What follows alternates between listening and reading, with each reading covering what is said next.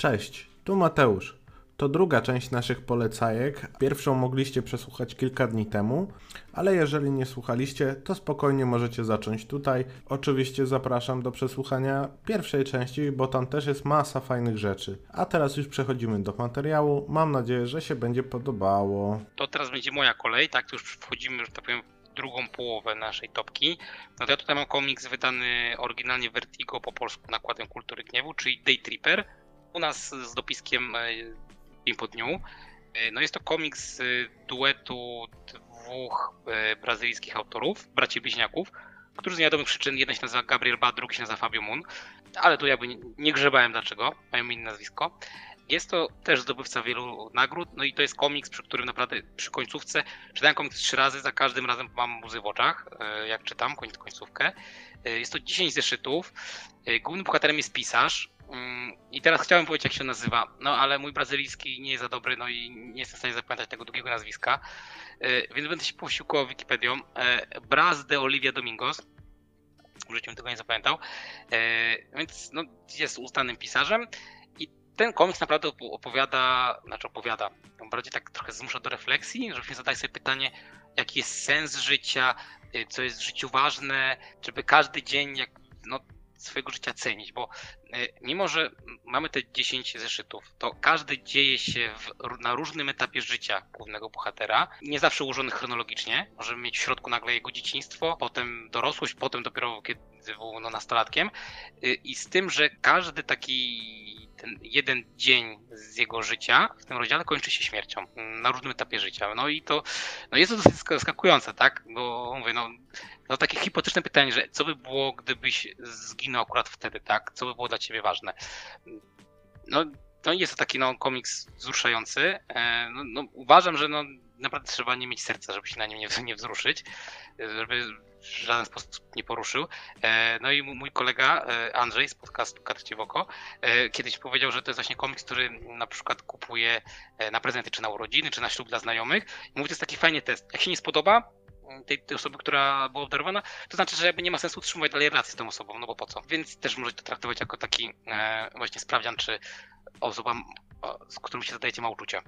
Mm, No, serdecznie polecam, naprawdę. y, Pożyczam ten komiks ludziom, którzy nigdy nie czytali komiksów i wszyscy mówimy, że wow, nie spodziewałeś się, że komiks y, może być aż taki, opowiadać o takich rzeczach i być tak poruszający. Więc zdecydowanie tutaj y, ten test dla niekomiksiarzy jako pierwsza pozycja właśnie coś głębszego zdaje. No to jeszcze by się musiał chyba, no w każdym razie przynajmniej mnie przetestować. No jak ci nie spodoba, najwyżej nie będziemy nas nagrać podcastu, no to zrobić, no.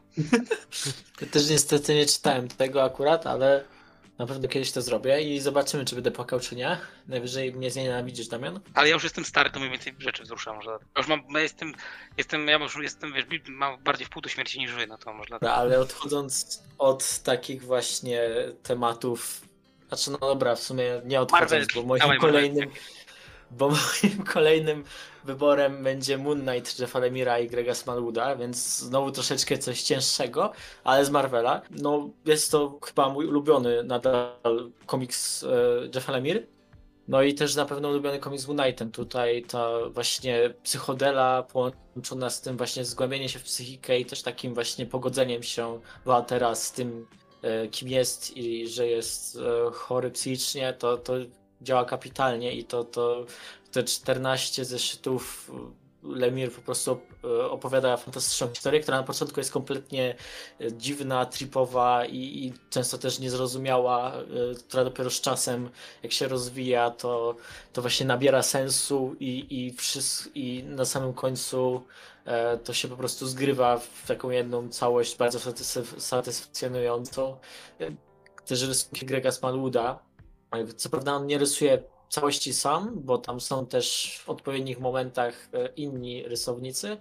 No ale to, tak jak mówię, to jest wszystko rozplanowane i, i większość jednak ry- rysuje Smallwood i wychodzi mu to kapitalnie. On, on się kapitalnie sprawdza właśnie w tej trochę psychodelicznym e, klimacie, gdzie mamy nagle połączenie Nowego Jorku z jakimiś piramidami i egipskimi motywami. To jest fantastyczny komiks. Ciężko mi coś więcej dodać. Wy też na pewno to czytaliście, to możecie też się wypowiedzieć. No to właśnie u mnie jest to komiks, który podobnie jak Mr. Miracle prawie się załapał do tej topki. Blisko, no ale no jakby no miałem miałem inne priorytety, ale no tak, zdecydowanie bardzo lubię. Podobało mi się też to, że inni rysownicy rysują te inne osobowości Marka, e, Spektora, w tym Francesco Francavilla, którego bardzo lubię. Jest fajnie, że miał tu występ gościnny.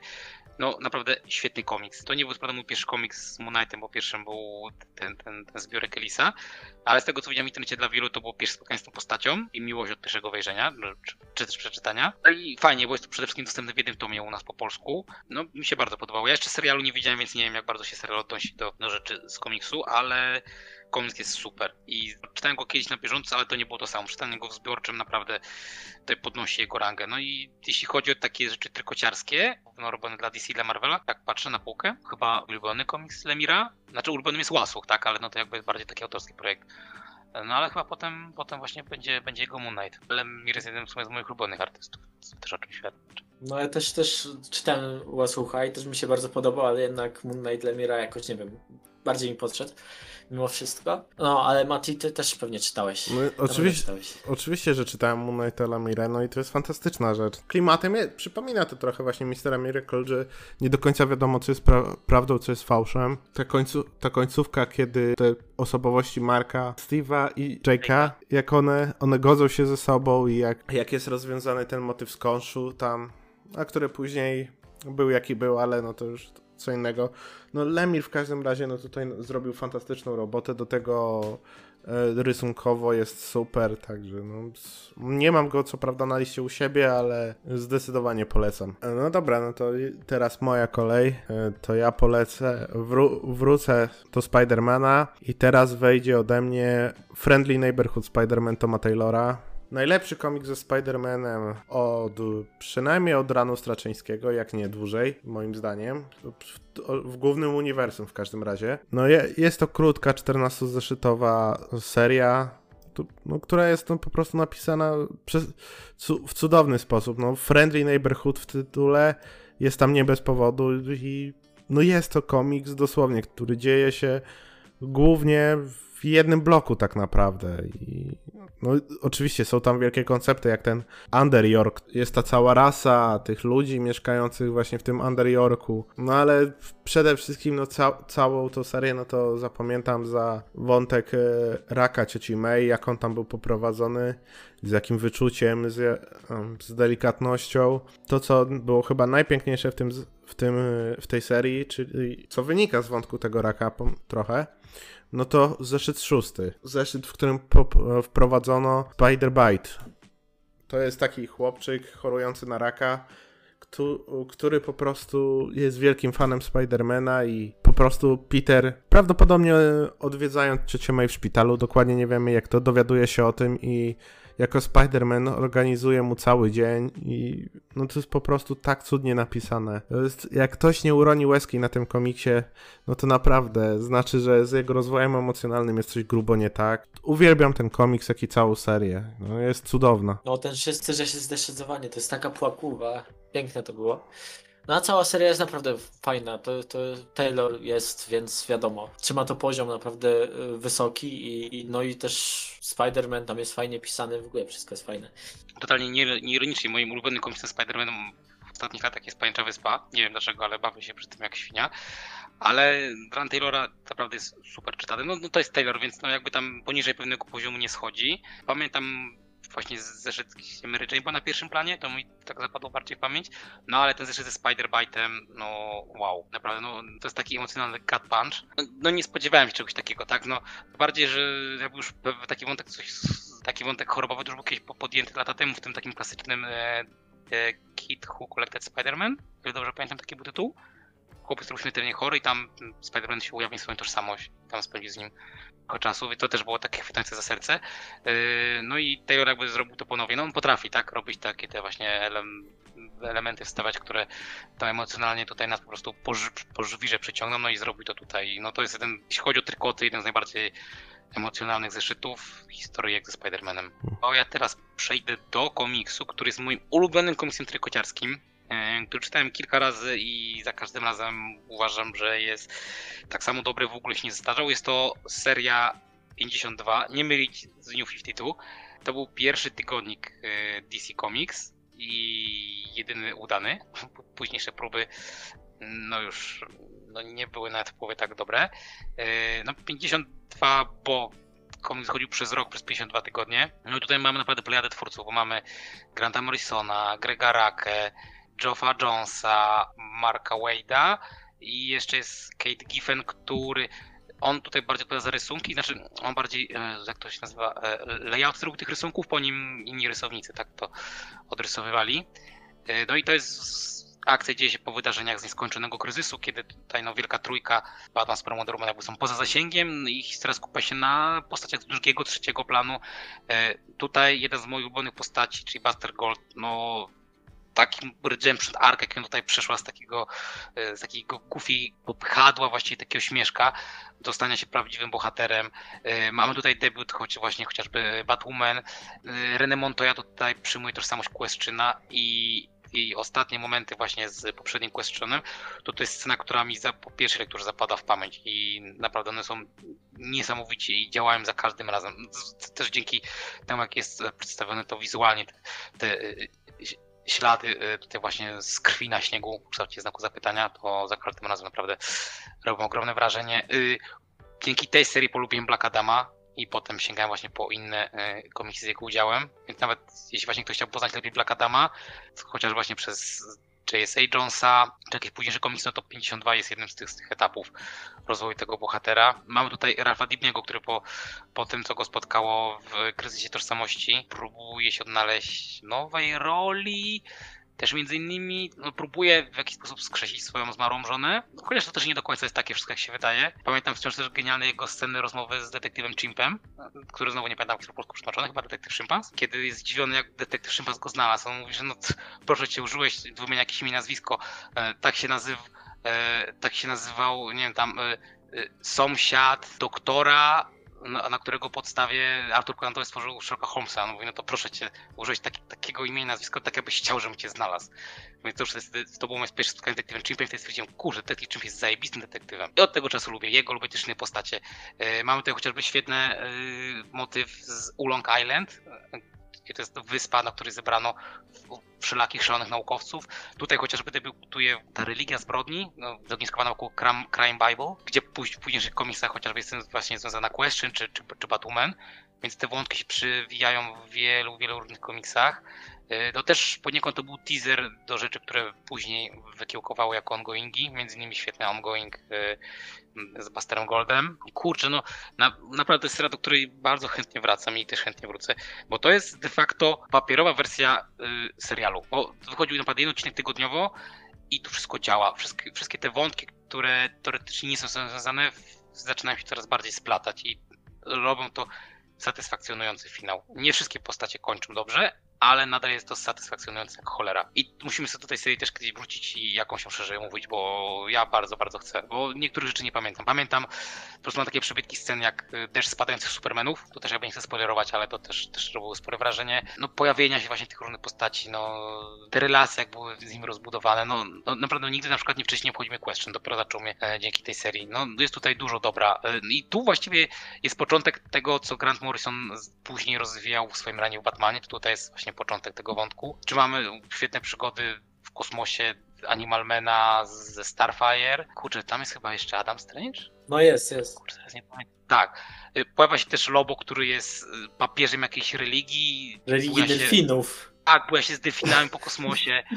Tak, więc jak generalnie Lobo na, Lobo na mnie nie działa, bo on działa tylko w latach 90., a w normalnych komiksach nie działa, tutaj to działa. Naprawdę. Tu się wszystko udało. Niesamowita seria, naprawdę. Uwielbiam. No musimy wrócić zdecydowanie i omówić, bo to jest, to jest kapitalna rzecz. Ja to już czytałem jakiś czas temu, więc dlatego też nie, nie, niestety nie dałem do tej topki, chociaż się nad tym zastanawiałem bardzo mocno, ale jednak stwierdziłem, że, że za mało rzeczy pamiętam, żeby móc to omówić jakoś sensownie, ale no na pewno bardzo polecam. Szczególnie też wiedziałem, że ty to dasz do tej, do tej topki więc, swojej, więc, więc zdałem się na ciebie, ale no zdecydowanie musimy, musimy, Mateusz, też musisz przeczytać, też i wtedy nagramy coś konkretniejszego, bo, bo jest o czym tam gadać na pewno. No ja mam to w planach przeczytać i tutaj już się deklarowałem, że znajdę kiedyś jeden wolny dzień i przeczytam wszystko na raz, bo mój rekord jednego dnia to jest 40 zeszytów, więc powinienem 52 te zeszyty dać radę, ale no to muszę mieć cały wolny dzień, więc I jakieś dobre To wydanie. dobre. Rób sobie tego, bo to jest tak jak, jak z Netflixem, który ci walnie cały sezon i tego tak nie odczuwasz. Znaczy nie mówię, żebyś czytał i przez 52 tygodnie tą serię, tak? Ale no, no ja to mam w takich, yy, Boże, ja mam to w czterech tomach, takich, w takich cienkich, no i to jeden tom na raz jest spoko. Nawet dwa tomy, czyli tak połowa serii, ale całą na raz kiedyś chciałem, jest przez... Za, od, zapoleć, to jest, to jest za dobre, żeby to tak sobie rypnąć na raz. No ale my- No, tak, to-. No miałem sobie zrobić taki challenge w każdym razie. No dobra, no to... No ale no nie czytałem jeszcze tego, no to zobaczymy. To za pierwszym razem czytałem to tego, to ja to czytałem chyba jeden dziennie zeszły, to też było fajnie. Także ten, tak też możesz. To przechodząc do kolejnego mojego y, piku, to będzie to Saga of the Swamp Thing Alana Mura. No to jest po prostu klasyk, jeden chyba, chyba mój ulubiony komiks Mura, przynajmniej z tych, które czytałem do tej pory. Fantastyczne połączenie horroru, też takiego trochę palpowego, czyli tego klasycznego, z którego Swamp Thing się wywodzi, ale też takiego bardziej, e, może kosmicznego to nie jest dobre, dobre stwierdzenie, ale takiego bardziej filozoficznego horroru, coś takiego. No są tam też właśnie te elementy filozofii, są też właśnie elementy takie superbohaterszczyzny, które są oczywiście wywrócone na drugą stronę, tak jak to Mur często robi. E, no i to, to się naprawdę zbiera na taką konkretną, fantastyczną serię, która ustanawia Swamp Thinga jako tego, tego, tego takiego poważniejszego bohatera, można powiedzieć, który niby się wywodzi od tego palpu, ale, ale teraz właściwie zawsze jak, jak wychodzi jakaś seria, no to to musi być naprawdę jakieś konkretne nazwisko przy, przy sobie, bo, bo, bo to jest jednak taka seria, której, po której ludzie, po którą ludzie sięgają z pewnymi oczekiwaniami, tak? I Alan Moore to po prostu świetnie tam rozwiązuje. Zresztą e, w pierwszym tomie, e, pierwszy tom jest chyba mój ulubiony z tych wszystkich, przynajmniej z tych, bo mówię o wydaniach polskich, czyli e, w Stanach zdaje się było i tych tomów dwa razy więcej, no ale to mniejsza z tym. E, No i generalnie tam właśnie w tym pierwszym tomie tam ten horrorowy wątek z, Jezu, jak on się nazywał? Florenic Man? Coś takiego? To było, to było fantastyczne. Też, też było właśnie, oczywiście, e, też, też horrorowy wątek, e, tylko teraz sobie nie przypomnę, jak on się nazywał, ten chłop, ale no to jest ten, zdaje się wujek Abi, czyli tej właśnie e, love interest. E, e, no i tam też właśnie, jak, jak, jak, Damian? Anton Arcane. No, dokładnie. To było właśnie fantastyczne i to tam właśnie ten motywy horrorowe właśnie z takimi troszkę fantastycznymi, połączone właśnie z, też z przedstawieniem Green i tak dalej, to właśnie w pierwszym tomie mi zagrało, no w drugim tomie jest cała ta podróż po Ameryce, tam jest też naprawdę fantastycznie, zeszyty się trafiają, chociaż taki, który najbardziej mi wpadł w, w głowę, to było, to było to z tą kobietami, które się zamieniały w wilkołaki podczas okresu, coś takiego, to było, to było tam połączone z jakimś tam wierzeniami rdzennych Amerykanów, coś takiego, już nie pamiętam dokładnie, ale, ale to, to było fantastyczne. No i, i finał tego drugiego tomu, który troszeczkę się wiąże z kryzysem na nieskończonych ziemiach, ale to troszeczkę, to tam jednak mur skręca w konkretną stronę i idzie tam e, dalej. To nie będę zdradzał o co chodzi, bo, bo to warto przeczytać samemu. No i trzeci tom, który jest bardziej taki solowe przygody e, Swamp Thinga tam w kosmosie, raz tutaj w Gotham. To też było naprawdę świetne, no i, i zakończenie też było cudne, więc, więc polecam cały ten run. E, Jeśli nie czytaliście, no to to jest faktycznie jedna z top na pewno. A wy chłopaki jak, czytaliście? Czy ja czytałem? Ja akurat mam tak, jak generalnie komiksy wolę czytać w oryginale, no bo wołacze po prostu wykręcają mnie wewnętrznie, jak widzę. No to Mura i Gaiman lepiej mi się czyta po polsku, więc yy, no ja to przeczytałem dopiero jak wyszło w całości po polsku. Yy, bardzo lubię. No, no i to zdecydowanie jeden z najlepszych horrorów w ogóle komiksowych. To właśnie u Mura były też te podwodne wampiry, to że pamiętam? To było właśnie Tak, tak, tak. Pytanie. No. Y, No, no niesamowite koncepty. Jest właśnie taka ta groza, no tych takich, no nie, nie żebym był specjalistą, tak, bo żebym jakiś tego czytał, ale jak tam jakiś pojedynczy mi się zdarzało tam zobaczyć właśnie y, sprzed dobrych kilku dekad komiksowe horrory, no to to jest ten klimat, tak, jest, jest, jest on utrzymany. No plus jest oczywiście y, przepuszczony przez Field y, tutaj Alana Mura, więc no wiadomo, że będzie to naprawdę komiks wyższej klasy. Nie wiem co tu powiedzieć o tym. Znaczy, no jeśli komuś się wydaje, że potwór z bagien jest postacią lamerską, bo to jest wielki człowiek mech, no to nie jest. No, mi wcześniej był znany z tego starego, starego serialu, który widziałem gdzieś tam w dzieciństwie, który aż taki jakiś straszny nie był, jak dobrze kojarzę, ale jakby sam postać wydawała mi się, mi się ciekawa, tak więc jakby genezę postaci znałem wcześniej, ale to co zrobiono tutaj, no i Alton Arkane, który jest, no okej, on później co prawda chociażby w Ani Scotta Snydera był doceniony jako złoczyńca, ale zdecydowanie tak na co dzień jest niedoceniony złoczyńcą, jeśli chodzi o uniwersum. Jest jednym z najbardziej creepy łotrów, jakich jak mają tutaj naprawdę w swoim zanadrzu. No ja, ja akurat tego komiksu Mura jeszcze nie czytałem, więc, ale mam na liście do przeczytania, a jak już jesteśmy przy Murze, bo mam jedną jego pozycję, to będzie to V for Vendetta.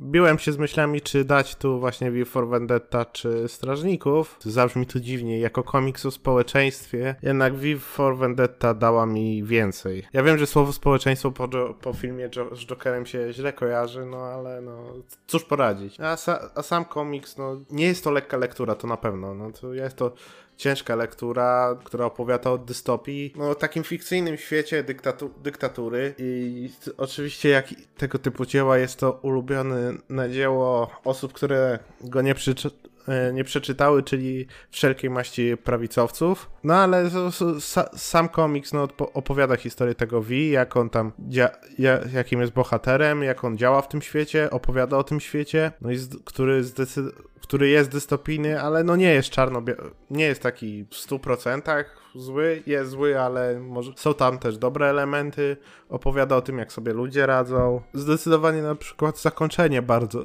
tego komiksu bardzo oddaje, no nie będę tu spoilerował, no ale no ja byłem mega, jakby to powiedzieć, mega zmęczony po lekturze tego komiksu, ale w taki dobry sposób, że czułem, że ten komiks coś mi dał jak, zresztą jak to mam przy, stra przy strażnikach miałem to samo, ale tamte niektóre elementy wyszły mimo wszystko gorzej, więc dlatego V for Vendetta ode mnie. No ja niestety nie czytałem akurat V for Vendetta, ale no na pewno to jest kwestia czasu tylko, kiedy to w końcu sprawdzę. Ja czytałem, ale to było naprawdę 100 lat temu i nie wiem dlaczego bardziej pamiętam film. Z komiksu pamiętam, że no, był dobry, bo to nadal mur i żeby że, rzeczywiście to była ciężka lektura. Tego się nie dało za jednym posiedzeniem przerobić. O tyle, co mogę powiedzieć. No, no niestety nie pamiętam. Wypadało kiedyś do tego wrócić. No ja, jak to...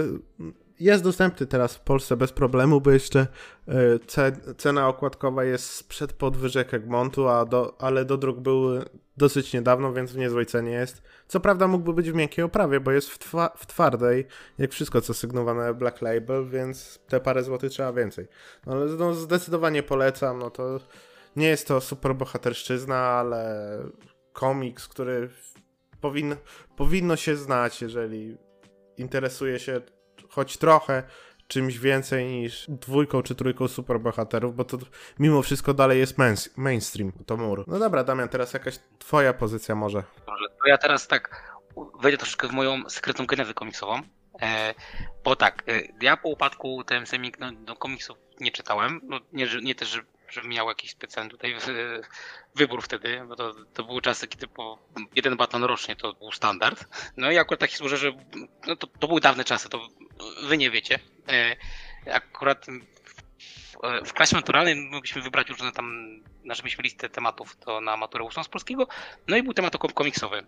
E, tak, coś tam myślę, że coś tam kreowanie ideału dla młodego czytelnika w komiksie, coś takiego. No ja wtedy stwierdziłem, ej, ja te komiksy, to ja to lubiłem kiedyś za dzieciaka, to ja sobie to wezmę.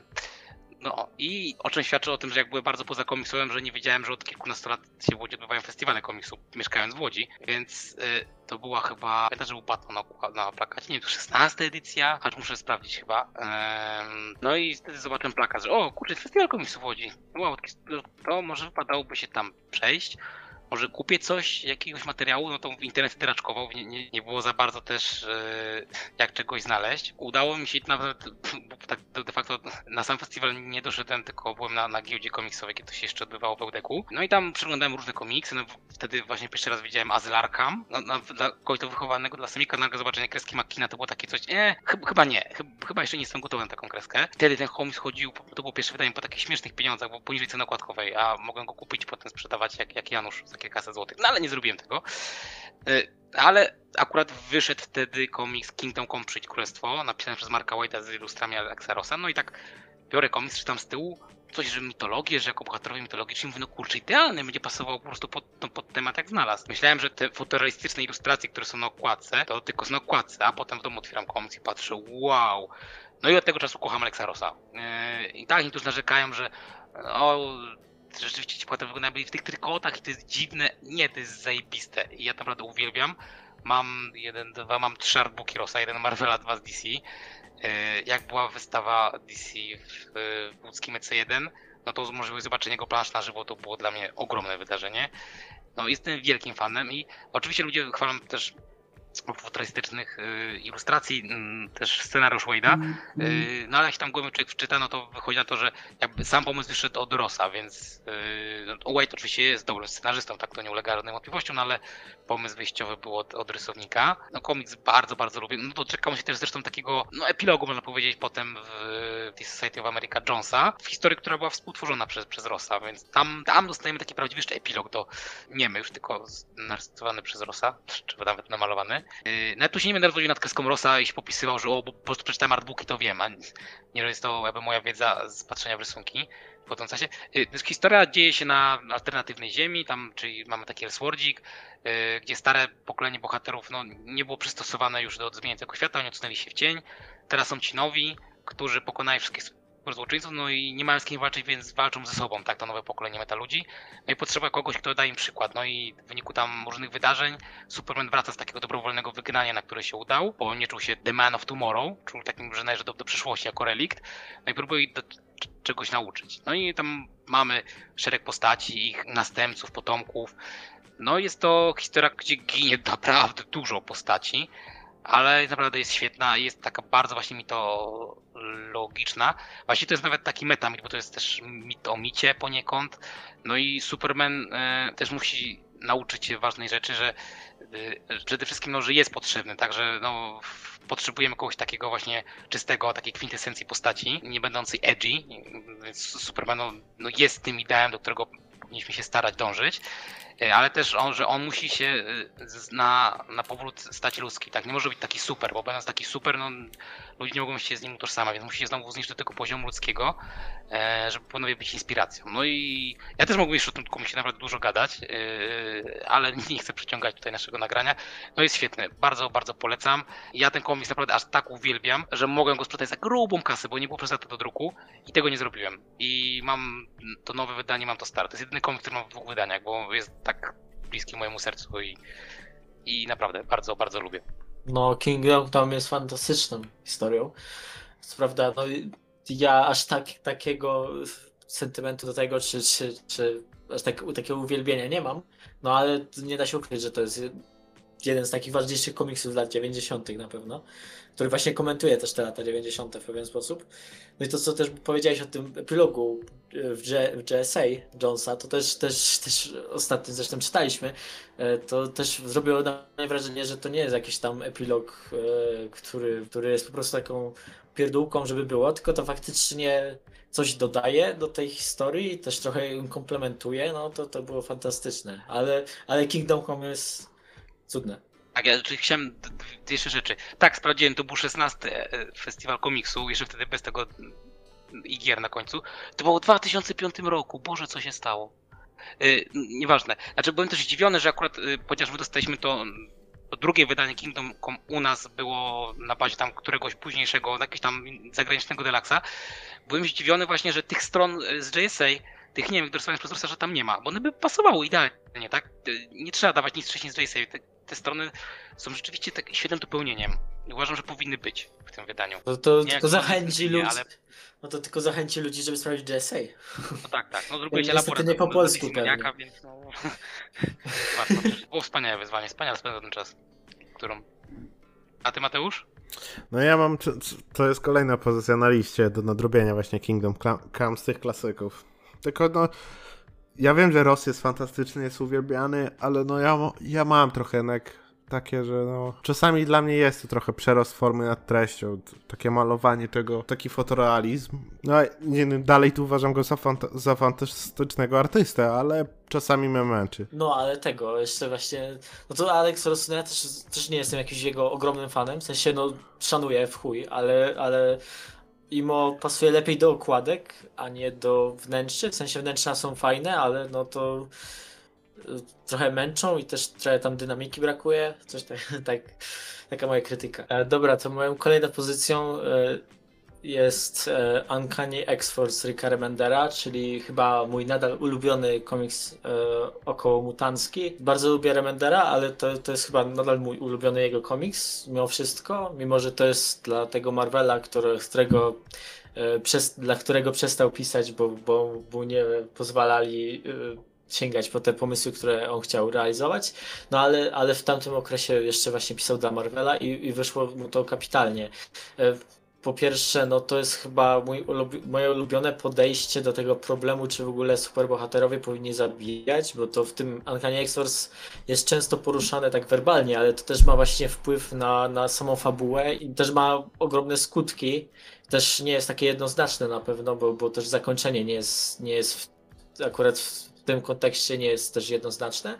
No, no uwielbiam tam. Tam jest właśnie to, to że Mender e, po prostu umie pisać takie ogromne, większe niż życie fabuły, które jeśli streścisz sobie w głowie, to, to brzmią trochę idiotycznie, ale w samym komiksie po prostu działają idealnie. No ja lubię właśnie Remendera, zresztą Uncanny Avengers, jego też, też na tym poziomie działa świetnie. E, No i właśnie oprócz tego w tym Uncanny X-Force jest właśnie ten wątek o zabijaniu, o którym wspomniałem i, i też jest masa postaci fajnych. W sensie przed Psylocke mnie wcześniej nie za bardzo obchodziła, tutaj trochę zaczęła bardziej. Fantomex jest fantastyczny w tej serii, mimo że już u, e, u Morrisona w New X-Men był, był świetny. E, kto tam był jeszcze? E, nie przypomnę sobie, ale, ale no nawet Deadpool, który zazwyczaj, którego zazwyczaj już mam dość, no to to akurat w tym Uncanny X-Force jest nie dość, że zabawny, to jeszcze ma fantastyczną rolę z Evanem, czyli z tym młodym apokalipsem, do czego później jeszcze później wracano, ale, ale tutaj to właściwie zostało zapoczątkowane i działało świetnie.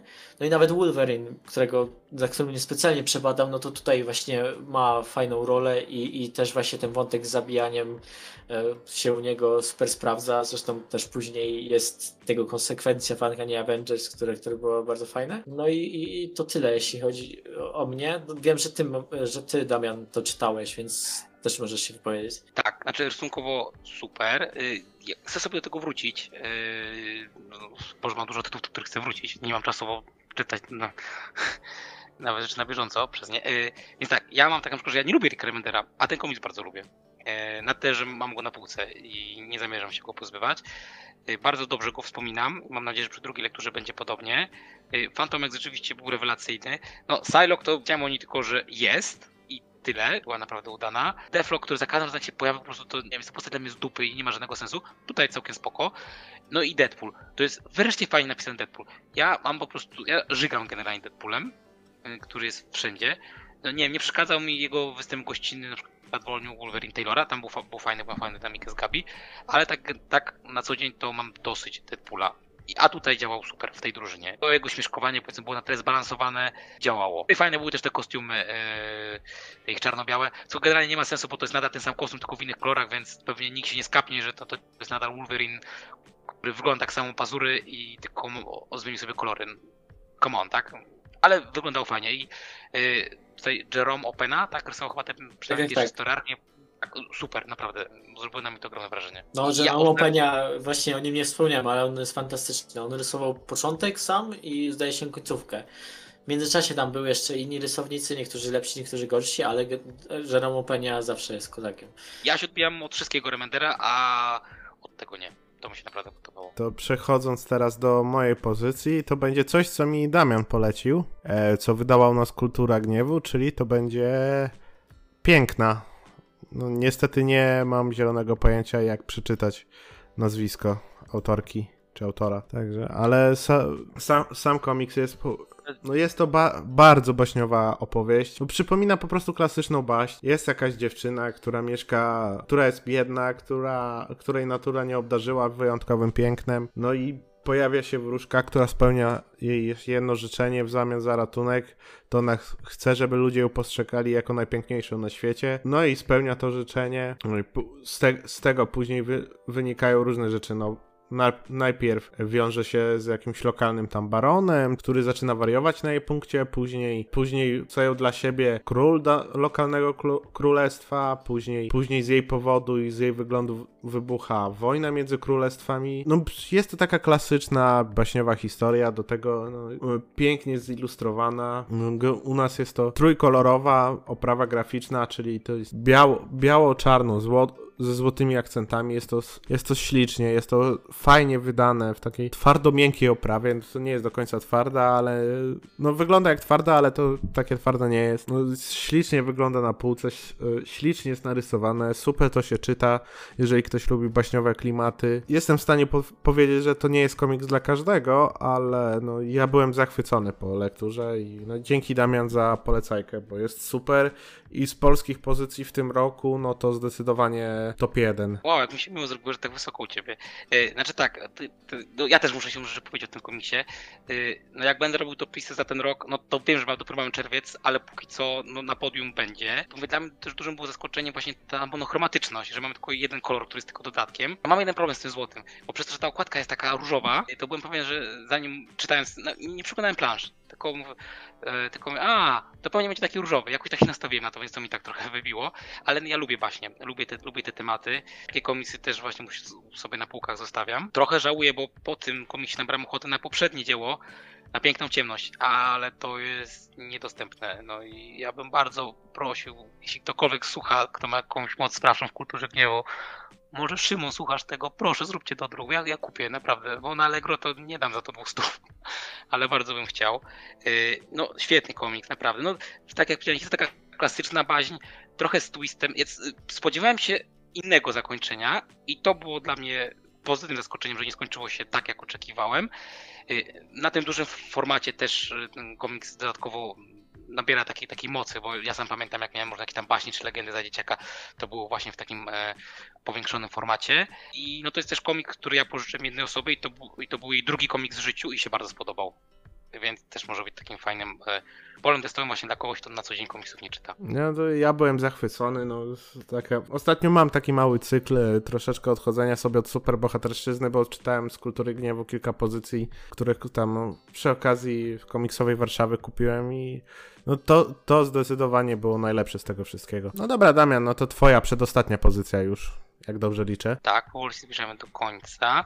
Y, to będą moje ostatnie trykoty na liście i będzie to seria Secret Six, pisana przez Guy Simon, ale zaznaczeniem, że to jest seria sprzed Flashpointu, nie ta seria z New 52, która też była pisana przez Simon, ale to był taki reboot, wcześniej zakończony, więc okej okay, czytadło, ale no nie umywa się dopiero wzoru.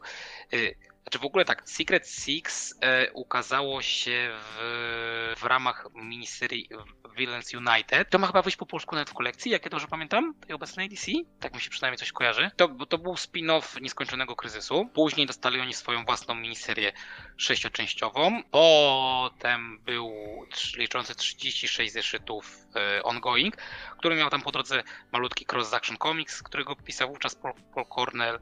E, pojawili się też e, na chwilę chyba tylko w jednym zeszycie Birds of Prey, którą pisała Simon, więc jakby to nie dziwi. Też w drugiej serii Simon i pojawili się też w pierwszej serii Birds of Prey. E, Simon, właśnie to też był crossover, e, żeby było bardzo popularny, akurat tymczasowo w składzie była wtedy Harley Quinn, bo ten skład też się zmienia. W pierwszym ministerie na przykład był Mad Hatter, tam w kolejnej inkarnacji właśnie tutaj w ramach tego crossovera e, Birds of Prey była to Harley Quinn, który swoją drogą jest dosyć ważnym, jeśli ktoś lubi taką postać jak Ice, bo ona tam wraca do życia, bo magia, jakieś bóstwa lodowe, coś tam. Wracając, bo najgorzej, że ja tak włączam się do gadulcu, bo jestem fanem. Jest to seria no, pisana przez Guy Simon, która raz, że świetnie czuje postacie, bez względu na płeć. Dwa, bardzo lubi bawić się w czarny humor i tutaj ma pełne pole tego do popisu i korzysta z tego jak może. E, mamy tutaj w składzie chociażby Deadshota znanego ze Suicide Squadu, mamy Catmana, który wraca na naprawdę świetną postać i historia po polsku to Cats in the Cradle, chyba to po polsku byłaby kocia kołyska, gdyby to ktoś chciał przetłumaczyć, gdzie on jest na pierwszym planie jest jedną z moich ulubionych. Jedną z postaci chociażby jest postać, który, o której mówiliśmy w o, w ramach odcinka LGBT, czyli Skandal Savage, córka nieśmiertelnego Wandala Savage'a. Kogo też ma? Mamy tutaj Ragdola, mamy tego drugą inkarnację, który jest totalnie popieprzonym typem, ale takim pozytywnie. Tejże serii jest też chyba najbardziej creepy złoczyńca ever w DC, przynajmniej według mnie, czyli Junior. E, I to już w pierwszym story arcu tej serii regularnej. On tam jest powiązany też w pewien sposób z Ragdolem. On, ona, ono, ciężko powiedzieć właściwie. E, ja był młodszy, to by mi się ta postać śniła po nocach. Ponieważ jest to Secret Six i jest czarny humor, e, no i są to złoczyńcy mimo wszystko, bardziej niż bohaterowie, no to oni tam sobie wzajemnie wbijają ten, te noże w plecy. Czasami nawet robią to bezpośrednio w klatkę. Debiutuje to chociażby postać King Sharka. Mają oni nawet w jednym z nagrają swój spot reklamowy, gdzie mówią, że twoi wrogowie są naszymi wrogami, a większość naszych wrogów już nie żyje, więc znaczy, że są dobrą drużyną, żeby ich podnająć. Y, w składzie też w serii regularnej, czy tam ponad 30 minut dołącza do nich Bane i jest to, mogę to powiedzieć tutaj z całkowitą pewnością najlepiej napisany Bane ever, no, który nie jest tym typowym gościem typu, typu złomy Batmana. No nie, Bane, który na przykład tutaj pojawia się w tam pod nieobecność Batmana, jakiegoś typa mówi, że nie, normalnie Bane to by łamał wszystkich, tak? Mówi, że nie złamę cię, po prostu złamałem kiedyś jednego człowieka, w ogóle nie teraz mu to pięknie zasługuje na to, żeby ci po prostu go zabija. No to jest Bane, który potrafi wyrwać komuś ręce i zatłuc go tymi własnymi rękami, co jest prześmieszne. E, mam tutaj Bane'a, który na przykład jeździ na dinozaurze, bo trafiają na taką wyspę, gdzie jeżdżą sobie na dinozaurach.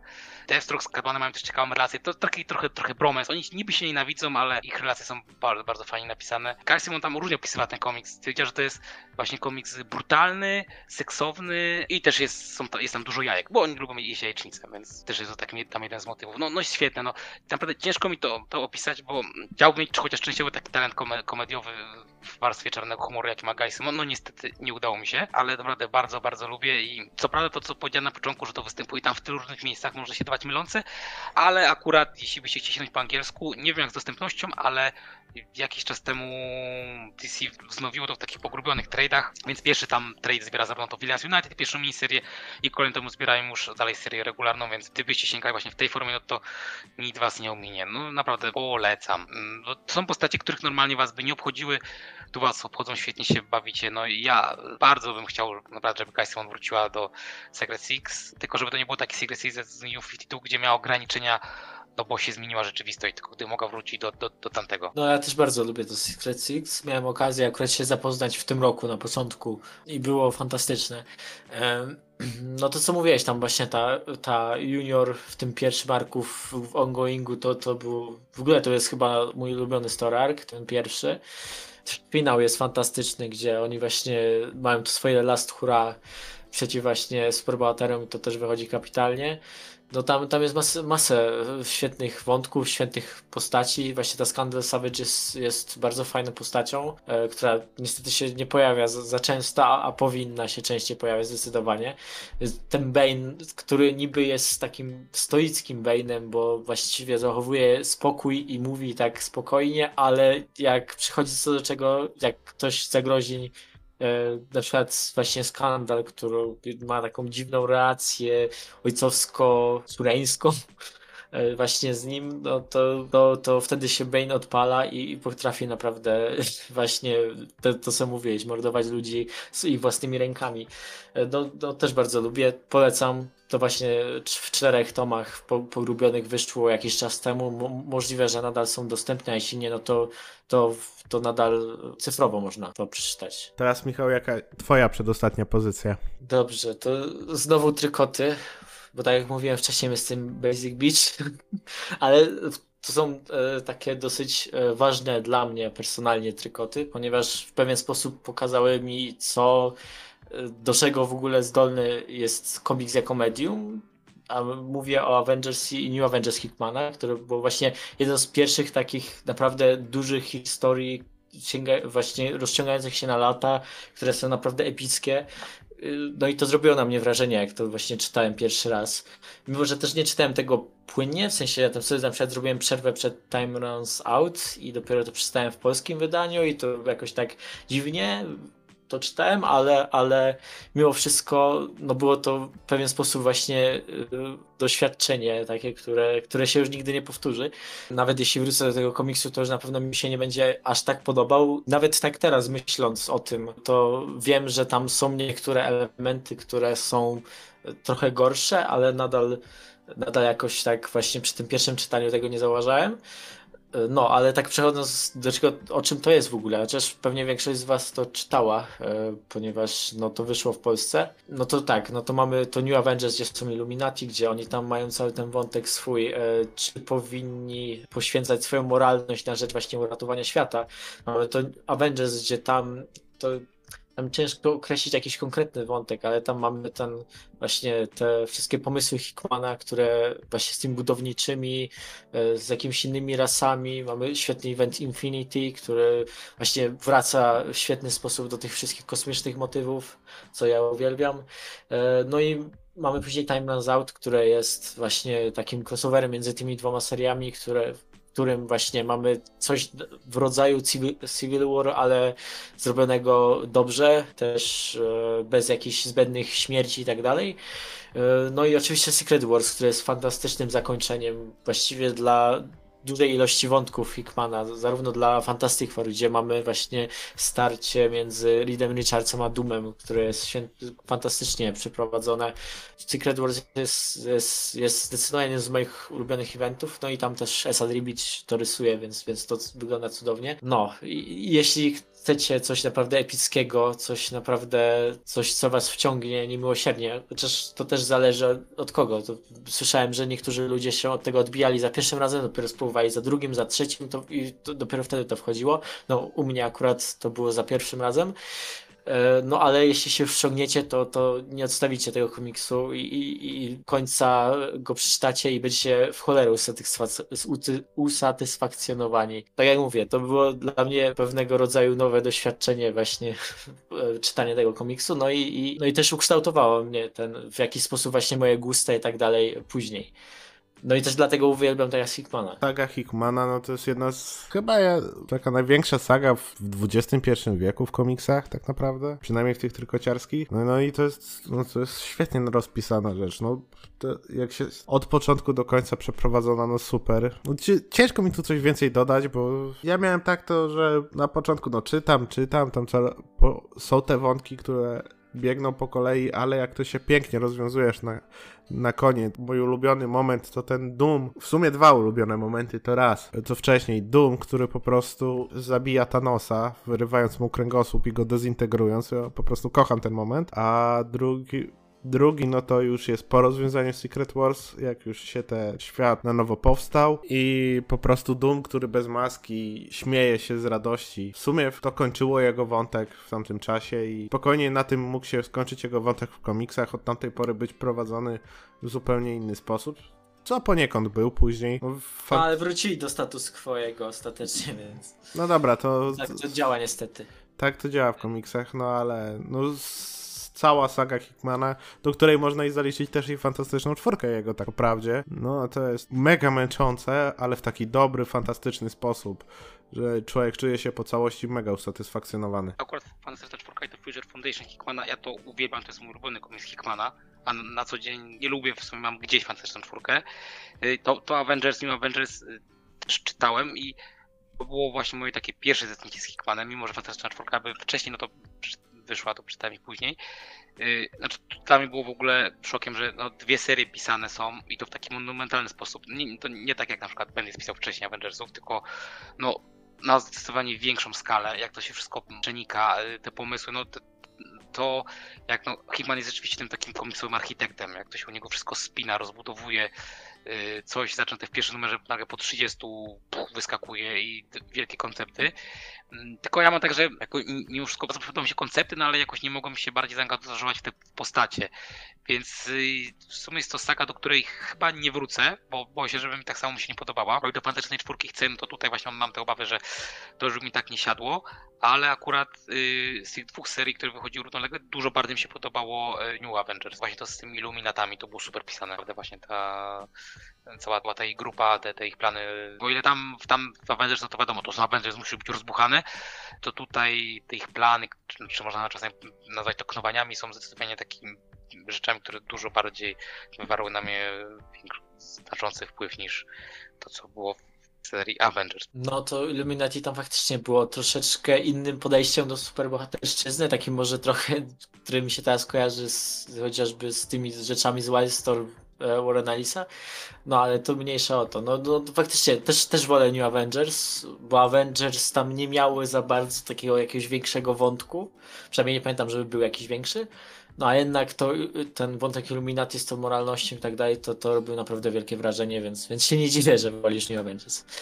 No dobra, no to ja to przejdę teraz do swojej przedostatniej pozycji i tutaj to będzie cały cykl komiksów i to będzie Injustice i Injustice 2 Taylora. To druga jego pozycja tutaj na tej mojej liście. Jedyny autor, który ma tu dwie, y, dwie pozycje, no i no, no to, to mi pokazało tak naprawdę czym mogą być Elseworldy. No to jest prequel do gry, później Injustice 2 prequel do drugiej gry, ale to jest tak fantastycznie napisane. Wychodzi zresztą teraz u nas na rynku, to można kupić dwa tomy, trzeci już jest w drodze. No super, super to jest, no opowiada tą historię o, te, o tym Supermanie, który od takiego klasycznego Supermana, którego my znamy, przechodzi do tego dyktatora z powodu bardzo osobistej tragedii, bo Joker mu zabija rodzinę.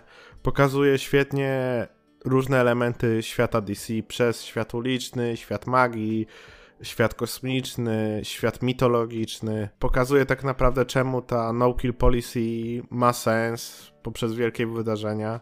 Później w Injustice 2 tam musiał Taylor troszeczkę bardziej się wysilić, bo miał skończoną fabułę jednej gry, która kończyła się w pewnym momencie, miał fabułę już drugiej gry, która się zaczynała w pewnym momencie i tam musiał kombinować. I mamy, mamy tam wprowadzenie właśnie Supergirl w tym świecie, mamy tam bardzo fajny motyw z Superboyem, który przecież się w grze nie pojawia. Mamy tam o rozwijającego się Redondo, którego można dzisiaj w Nightwingu podziwiać, także no ja uwielbiam tą serię. Wracam do niej regularnie, czyta to się momentalnie. No cóż więcej powiedzieć, no ja za każdym razem się zachwycam nad tym. No Injustice jest, jest super. Też, też bardzo lubię. Chociaż no wiadomo, no to nie wszystko tam jest fantastycznie, bo to Taylor tylko pisał to pierwsze 3 lata i tam też fabuła nie była jakaś nie wiadomo jaka, nie wiadomo, ale, ale tam właśnie te momenty, te relacje między bohaterami to działało i, i to zawsze działa Taylora, więc to, to szanuję. A Injustice 2 niestety nie miałem okazji jeszcze czytać. Ja mam tak, że szanuję, że masz dwóch autorów tych samych, bo no, Michał się chciał wyłamać zamiast zrobić całą listę z Morrisonem, to, to tylko go dał raz. E, znaczy u mnie też Injustice byłoby wysoko, gdybyśmy robili to 15, no to to i te tytuły, które wymieniłem, by się tam znalazły. Nigdy nie grałem w ogóle w gry serii Injustice i w sumie wsiadłem w serię jakoś pod koniec roku pierwszego, kiedy wychodził na bieżąco w Stanach. Super to się czytało. To po prostu to mi pokazało właśnie jak Taylor znakomicie czuje postacie, rdzeń każdego z bohaterów, że jak dostaje te zabawki, tą piaskownicę DC, to potrafi się tym w znakomity sposób. Jasne, ma jakieś ograniczenia, no bo była gry fabułą gry, ale że zaczyna jakby 5 lat przed tym, no to może zrobić dużo, zwłaszcza z bohaterami, którzy się tam nie pojawiają. No i tak, no są pewne mankamenty typu, że no on odchodzi tam pod sam koniec roku trzeciego, który tam był dokończany jeszcze na bazie jego notatek. Czwarty rok był już pisany przez niego, był nawet ok, piąty jest po prostu nuda, nuda, nuda, nuda, jeszcze, a najgorzej, ma więcej stron. Injustice 2 też jest super, jest bardziej komediowe. No ale te rzeczy, które dzieją się w roku pierwszym, no ja kiedyś nawet robiłem na Disneymaniaka top listę śmierci i to naprawdę każda śmierć cię, cię, porusza, bo potrafi to zrobić w taki sposób, że znaczy no Taylor potrafi tak grać na uczuciach, potrafi cię rozśmieszyć, rzucić yy, świetny one-liner, chociażby yy, na temat tego, dlaczego jaskinia Arrowa nie nazywa się Kołczan. Jedna z najlepiej napisanych Harley Quinn, jeśli chodzi o komiksy też tam jest. No dowód na to też, że Taylor powinien pisać Yy, przygody Green Arrowa. No ale zresztą jak patrzę na, na, na, jak pisze postacie w tej serii, to mógłbyś pomyśleć, że potrafi, potrafi czy powinien pisać każdy komiks, każdą z tych postaci. Wiele razy tutaj naprawdę też dostałem po uczuciach przy tych śmierciach. Nawet przy tych innych scenach, które nawet nie są śmiercią, ale są takimi yy, no, mniejszymi momentami, też, też to porusza. No chyba najbardziej z takich scen, które pamiętam, to nie wiem, czy to było chyba, chyba w drugim roku, yy, scena z Gordonem Watchtower. To było w drugim roku? Dobrze tak, pamiętam? w drugim roku. Ojej, no to to jest po prostu wow, genialne. No, no też, też bardzo lubię tą serię.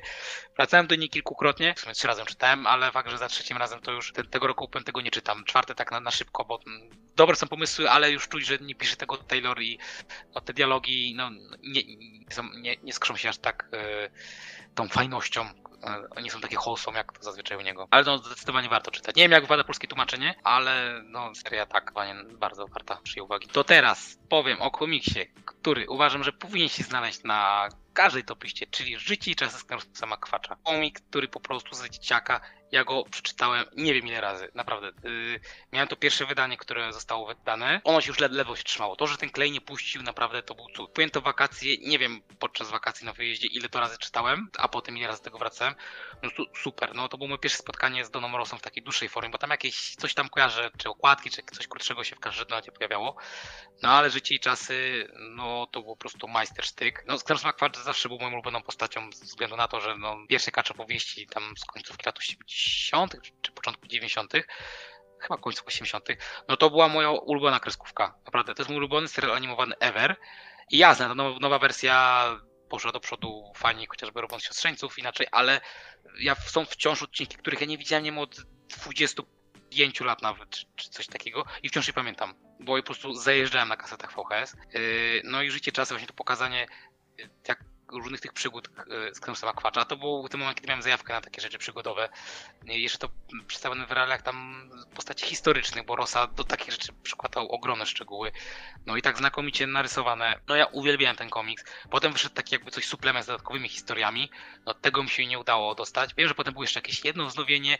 No i potem po latach, jak on to wydał w takiej prawilnej wersji w twardej oprawie, yy, no tylko tam niestety było błędów. I to nawet całkiem sporo. Jak pamiętam na e, Centrum Komiksów Disneya tam była całkiem spora litania. No ja to kupiłem, no i było mi przykro, że mam wydanie z takimi błędami, bo to jest komiks, do którego mam prawie że nabożne podejście, bo to jest pozycja, ok, do której mam sentyment z dzieciństwa, ale to jednocześnie nie jest tytuł, który stoi na półce, się boi do niego wrócić, bo wiem, że jak zdejmę te nostal Nostalgia Goggles, e, te gogle nostalgii, tak to, to już nie będzie trzymać e, tak dobrze, jak się trzymało w dzieciństwie. Trzymać nadal cholernie dobrze. No więc tam to januszowałem, jak się wyprzedało, sprzedałem to dobrej cenie. Co prawda wyszedł y, tam poprawiona wersja, ale już mu powiedziałem, a chramole to, bo było to mniej więcej w tym czasie, kiedy już było zapowiedziane, że będzie kolekcja do Narosy. I jak ja w żadne kolekcje się staram nie wchodzić, no to ja te wszystkie, kolek- wszystkie tomy kolekcji Narosy mam, bo się nigdy nie pozbędę. Naprawdę. Moje dziecko kiedyś dost- dostanie to dostanie to jako pożyczone. Ja mu tego nie dam, po prostu trudno. To zostanie u mnie na zawsze i tam akurat życie i czasy jest zawarte. Yy, no to prawda, jakby rozbija się tam pomiędzy dwa tomy, ale są wszystkie historie, więc są te, które ja dzie- dzieciaka czytałem niezliczoną ilość razy, plus te późniejsze, które były w jakichś tam rozszerzonych wydaniach, yy, czy też dodatkach, których wcześniej nie znałem, więc no uwielbiam. I jasne, może do, do samej kolekcji nie będę jakoś tak często wracał. Ja wiem, że do tego życia czasem, do życia, przepraszam, wrócę jeszcze nie raz. Naprawdę, bardzo lubię. I to powinien każdy sięgnąć nie na zasadzie, że o, są komiksy dla dzieci, komiksy z kaczkami. No tak, tak, bo kojarzę, bo jedyny komiks, jaki znam, to jest Kaczor Donald, tak, bo to czytałem e, tam 30 lat temu, czy 20. No nie, to jest naprawdę bardzo fajna historia przygodowa o poszukiwaniu skarbów, no ale też, też jakoś o rodzinie, no bo on sporo, sporo zaniedbał, więc myślę, że nawet jak ktoś nie ma nostalgii, to chociażby sięgając tą korową część tego, muszę się stwierdzenie, nie wiem, że ranu do, do Narosy, no w każdym razie o to, co e, pisał z kaczkami, zwłaszcza ze Sknerusem, to zdecydowanie warto, warto, warto. Naprawdę uwielbiam. No ja mam niestety na liście wstydu do przeczytania, no ale ja za dzieciaka czytałem dużo gigantów, kaczor Donaldów, więc to jest kwestia czasu, aż w końcu się za to wezmę i zobaczę o co z tym chodzi. Ja podobnie mam jak Michał, tylko że ja, ja no miałem parę tomów giga, gigantów, ale ja się w komiksy wkręciłem już w dużo późniejszym wieku, nie dziecięcym. W wieku dziecięcym to mnie jarały klocki Lego i dinozaury. Mieszkałem na wsi, to nawet nie miałem jak e, widzieć komiksów w kioskach, więc a giganty miałem po, e, po kuzynie. Dostałem parę tomów, przeczytałem, no i gdzieś zniknęły, nawet nie wiem gdzie są. No dobra, Michał, twoja ostatnia pozycja. Dobrze, to ja się w końcu wyłamię z trykotów i powiem o niezależnym komiksie od jednego z moich ulubionych i, i najlepszych scenarzystów, którzy się pojawili w ostatnich paru latach. No i będę mówił o Many Deaths of Laila Star e, Rama V i Filipe Andrade. E, No i to jest, to jest e, pięciozeszytowa miniseria z tamtego roku, która której koncept bazowy jest dosyć prosty i też taki trochę można by było pomyśleć, że pójdzie w zupełnie inną stronę niż- faktycznie poszło. Na samym początku bogini śmierci hinduska zostaje wyrzucona z pracy, ponieważ na ziemi pojawiło się dziecko, które w przyszłości wynajdzie maszynę pozwalającą pokonać śmierć, czyli dając wszystkim nieśmiertelność. Właśnie wtedy e, ta śmierć dostaje się do ciała właśnie tej tytułowej Laili Star Stark, która była samobójczynią, zdaje się. Ta bogini stwierdza, że musi e, zamordować tego, tego dzieciaka, żeby zyskać swoją posadę, ale szybko sama przed sobą się dowiaduje, że, no nie jest w stanie tego zrobić, nie jest w stanie zabić tego, tego niemowlaka właściwie. Pod koniec tego pierwszego zeszytu ona umiera, ale właściwie w każdym zeszycie na końcu ona umiera, ale, ale zostaje odrodzona przez Boga życia, czy coś takiego. Nie, nie pamiętam dokładnie jaki to jest Bóg. W każdym razie szybko właśnie po tym pierwszym zeszycie całość skręca w taką właśnie mocno filozoficzną, też e, e, taką historię, która właśnie zarówno porusza tematy polityczne, czy właśnie takie właśnie tematy życiowe, gdzie w każdym zeszycie jest jakaś osobna historia, też trochę powiedziana za pomocą innej narracji. Na przykład w trzecim zeszycie narratorem e, jest niedopalony papieros i to wychodzi kapitalnie. No i ostatecznie się okazuje, że to jest taka jedna wielka o, historia o właśnie życiu i śmierci i to jak się przeplatają i co główny pomysł za całym tym tomem e, jest dosyć prosty, ale właśnie w sposób w jaki dochodzimy do tego sami właśnie właśnie łączymy wszystkie te kropki, które Ramvi tam zostawia, e, jest właśnie bardzo satysfakcjonujący. No ja na przykład też po przeczytaniu finału musiałem chwilę posiedzieć, podumać i zastanowić się i dojść do właśnie tej interpretacji, która by mnie satysfakcjonowała. No i właśnie też tam Ramvi e, sporo nawiązuje właśnie do zarówno do mitologii hinduskiej, do polityki w Indiach, do e, też kultury indyjskiej, bo tam jest na przykład właśnie w pewnym momencie dużo o właśnie rytuałach związanych ze śmiercią w Indiach. No to jest, to jest fantastyczna rzecz. Zdecydowanie jeden z moich ulubionych, jeśli nie ulubiony komiks tamtego roku. E, no i też też jeden właśnie z takich komiksów, które na pewno mi zapadły w pamięć i które, o których będę, do którego będę wracał i o którym będę jeszcze długo, długo. Niestety z tego co wiem, to wy nie czytaliście, ale powinniście. No ja muszę powiedzieć, że zachęciłeś teraz. E, no ja dopiero jak, no niedawno zacząłem odkrywać tutaj to, co Ramvi pisał i to, co do tej pory czytałem, od niego mi się bardzo podobało. Jak to jest zakończone, to tym bardziej sięg, chętnie sięgnę. No i też fajnie, że jakby tak, y, zakończyliśmy takim trochę przełamaniem od trykotów. A kurczę, aż teraz żałuję, jak tak mówiłeś, tak się trochę zastanawiać, że mogłem coś bardziej zróżnicować i że mogę może zamiast jakichś trykotów w sumie dać jeden komiks, o którym nawet nie wspomniałem, czyli dni, których nie znałem z Non-Stop Comics, bo to też był super rzecz. No, no nie, już dziękuję na więc nie będę o nim mówił, ale mogłem go wepchnąć, on w top 15 by był, może by zasługiwał jednak na to, żeby się znaleźć w dziesiątce, bo chyba też do niego kiedyś wrócę. No, to mi Michał się wyłamał y, z trykotów, to ja skończę y, trykociarskim i to bardzo mainstreamowym tytułem, czyli to będzie Amazing Spider-Man Ran Straczyńskiego. Chyba nie muszę mówić, dlaczego on się znalazł w tej topce. No, y, dla, dla, finału, bo nienawidzisz Mary Jane? Bardzo śmieszne. Nie no, to, to pisał Quesada. One More Day to się nie liczy. To jest tytuł Quesady. Zresztą na okładce tam jest Quesada. Ale dobra, y, wracając. Ran Straczyńskiego, no to jest w XXI wieku, no to z tych dużych serii ze Spider-Manem, to jest zdecydowanie najlepszy komiks. To jest w ogóle jeden z najlepszych ranów w ogóle w tym tytule w Amazingu. Tak, mamy oczywiście tam Since Past, ale po ostatnim retconie przestało mi to przeszkadzać, bo wiem, że to jest niekanoniczne już, że to wszystko było, była wina Mysterio, więc od, ra od razu lepiej się o tym myśli, a inne rzeczy są po prostu cu cudne. Mamy tego Ezekiela, który, prowadzenie tego motywu totemu w ogóle, który później w lepszy lub gorszy sposób wykorzystał w Spider-Verse. Mamy tego Morluna, ma pierwszy raz wprowadzonego. Mamy oczywiście no, wątek separacji z Mary Jane, kiedy oni wtedy to byli małżeństwem. Jak ta relacja jest tam rozpisana, jak oni muszą do, dojść z, ze sobą do porządku.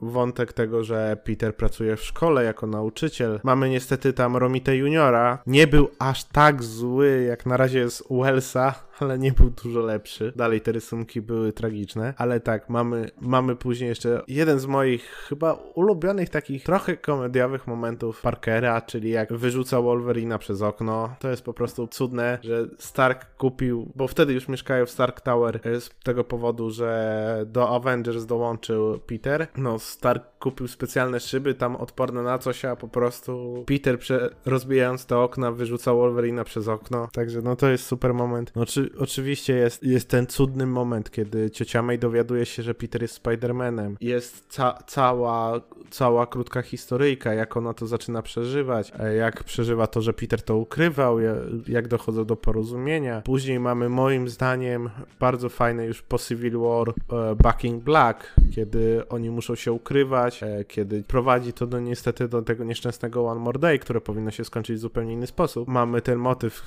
kiedy to Parker po prostu ładuje się do więzienia i spuszcza, no po prostu spuszcza łomot Kingpinowi z łatwością, pokazując tak naprawdę do czego Spider-Man jest zdolny i jak on się ogranicza na co dzień. No dłu- długo mógłbym mówić o tym ranie, co tam gra, jak bardzo gra, pomijając oczywiście Sins Pass, bo to, to jest gówno straszne, ale no, no uwielbiam ten komiks, czytałem go już kilkukrotnie, wracam regularnie, za jakiś czas pewnie znowu wrócę. No jak macie jakiś duży run przeczytać ze Spider-Manem, no to to zdecydowanie. Szkoda tylko, że później wszedł Quesada i to zaorał kompletnie. Może jego niedawne odejście w końcu będzie można to One More Day pozostawić w niepamięci, chociaż po tym, co się działo u Spencera, bo Wellsa nie będę oceniał po dwóch zeszytach, to E, Jeśli ja mogę coś dodać o Straczyńskim, e, no jak, jak właśnie wróciłem do komiksów po tych latach, no to sięgałem po te ulubione postaci, czyli po Batmana i Spidermana i nadrabiałem co się dało. No i akurat właśnie no, ze Spidermanem to wszyscy policjali, ej, ten raz, ran, e, chciałem powiedzieć raz Spencera, ran Straczyńskiego. No i rzeczywiście super rzecz. E, Ja jestem wciąż zdziwiony, że nikt nie wrócił do motywów totemów Ezekiela. I dlatego Hickman powinien pisać Spidermana, bo by wrócił do tego. Rozpisałby te totemy, y, symbole by do tego zrobił. Zrobiłby jeszcze język tych totemów na pewno jakiś. Kurde, chciałem to zobaczyć, to byłoby popieprzone na maksa. E, w każdym razie, no, no tak, no, no finał, no wiemy, że to był narzucony przez Marvela, to tam Traczyński to nie miał nic do gadania. No to Sin Pass, no, ale to czytając to można tą, tę historię ominąć, jakby jest spoko, tak? Wtedy nie boli. No tak, to znaczy John Romita Jr. mi nie przeszkadzał. Nawet myślałem, że jest całkiem okej, oprócz tych złamanych nosów, które wszystkim postaciom rysuje. No ale no nie, no wtedy się może jeszcze starał, może dlatego albo mu się chciało, nie wiem. Yy, no jest super, no wciąż pamiętam chociażby te, te momenty, jak na lotnisku było z doktorem Doomem, cała ta akcja, to pamiętam, że było dosyć śmieszne. To jak spuścił ciężki wpierdol e, w Kingpinowi, też w czarnym kostiumie, więc w ogóle podwójnie zajebiście. Yy, no, zeszyt rozmową z ciocią May jest jednym z najlepszych zeszytów Spidermana. I to jest po prostu taki ból, że oni to potem wymazali i że ona nie wie wciąż kim on jest. Naprawdę, no tak super zmieniło ich relacje, kiedy ona potem pisała do różnych gazet, że nie powinniście tak przy Spider-Manie, bo Spider-Man jest dobrym bohaterem, tak chciała, była, jego PR-owcem się stała Spidermana, tak? Jego ciotka. No, niesamowita rzecz. No, dużo dobrego. Nawet te tajny do Civil War były całkiem spoko. No mówię, też nie pamiętam, bo wracałem do tego rano kilkukrotnie.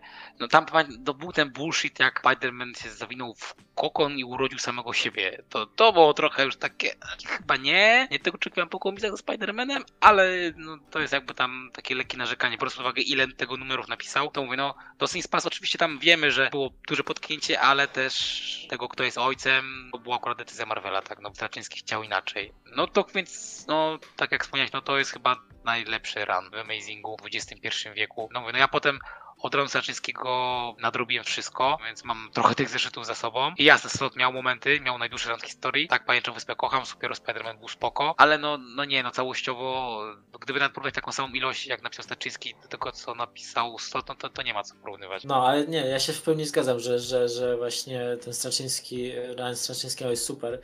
E, To właśnie te motywy, znaczy Boże, te totemy, to, to było świetna adycja do tego Spidermana, bo tam zawsze, no ja tak jak kiedyś już wspominałem, nie jestem jakimś ogromnym fanem Spidermana, no lubię go, ale, ale nie ekscytował mnie jakoś bardzo, ale te, te totemiczne e, motywy, które później się w Spider-Verse też pojawiały, no to jest taki koncept, który właśnie taki ktoś jak Hickman mógłby zajebiście rozwinąć, czy ktokolwiek inny, który też jest dobry w takie, w tego typu rzeczy.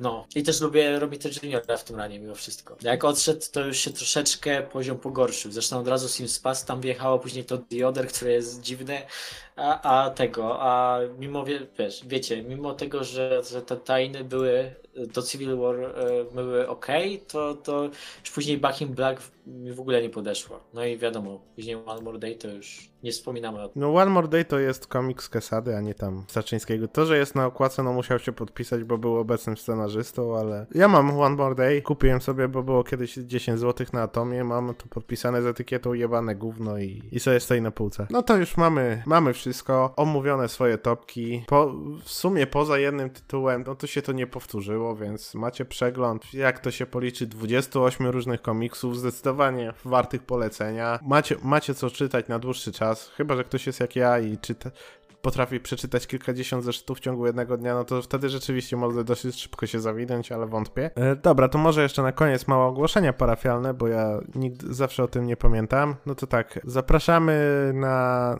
nasze socjalki, żebyście zobaczyli. E, Wszystkie są w opisie. Za dużo ich jest, żebym ja to wymieniał wszystko. No i w momencie, jak to nagryw- nagrywamy, no to pierwszy raz możemy powiedzieć, że ruszyła wersja podcastowa na, na razie na Spotify i na, na Anchorze. Za jakiś czas, jeżeli to nie będzie kosztować, bo to te wersje są za darmo, nie muszę za nie płacić, więc jeżeli nie będą kosztować, no to na inne aplikacje podcastowe. No na razie na Spotify i na Anchorze. Na Anchor jest za free, więc można tam sobie spokojnie słuchać. To by było to z ogłoszeń. No za, oczywiście zapraszamy jeszcze do subskrypcji, bo powoli nam rośnie, powoli się do stówki zbliżamy, także jest fajnie. Zasięgi tych materiałów nie są złe, są, są nawet lepsze niż się spodziewałem. Jakoś to idzie, ale już kończąc ten materiał, to ze, ze mną byli Michał i Damian. Cześć. E, Do usłyszenia w następnym odcinku, cześć.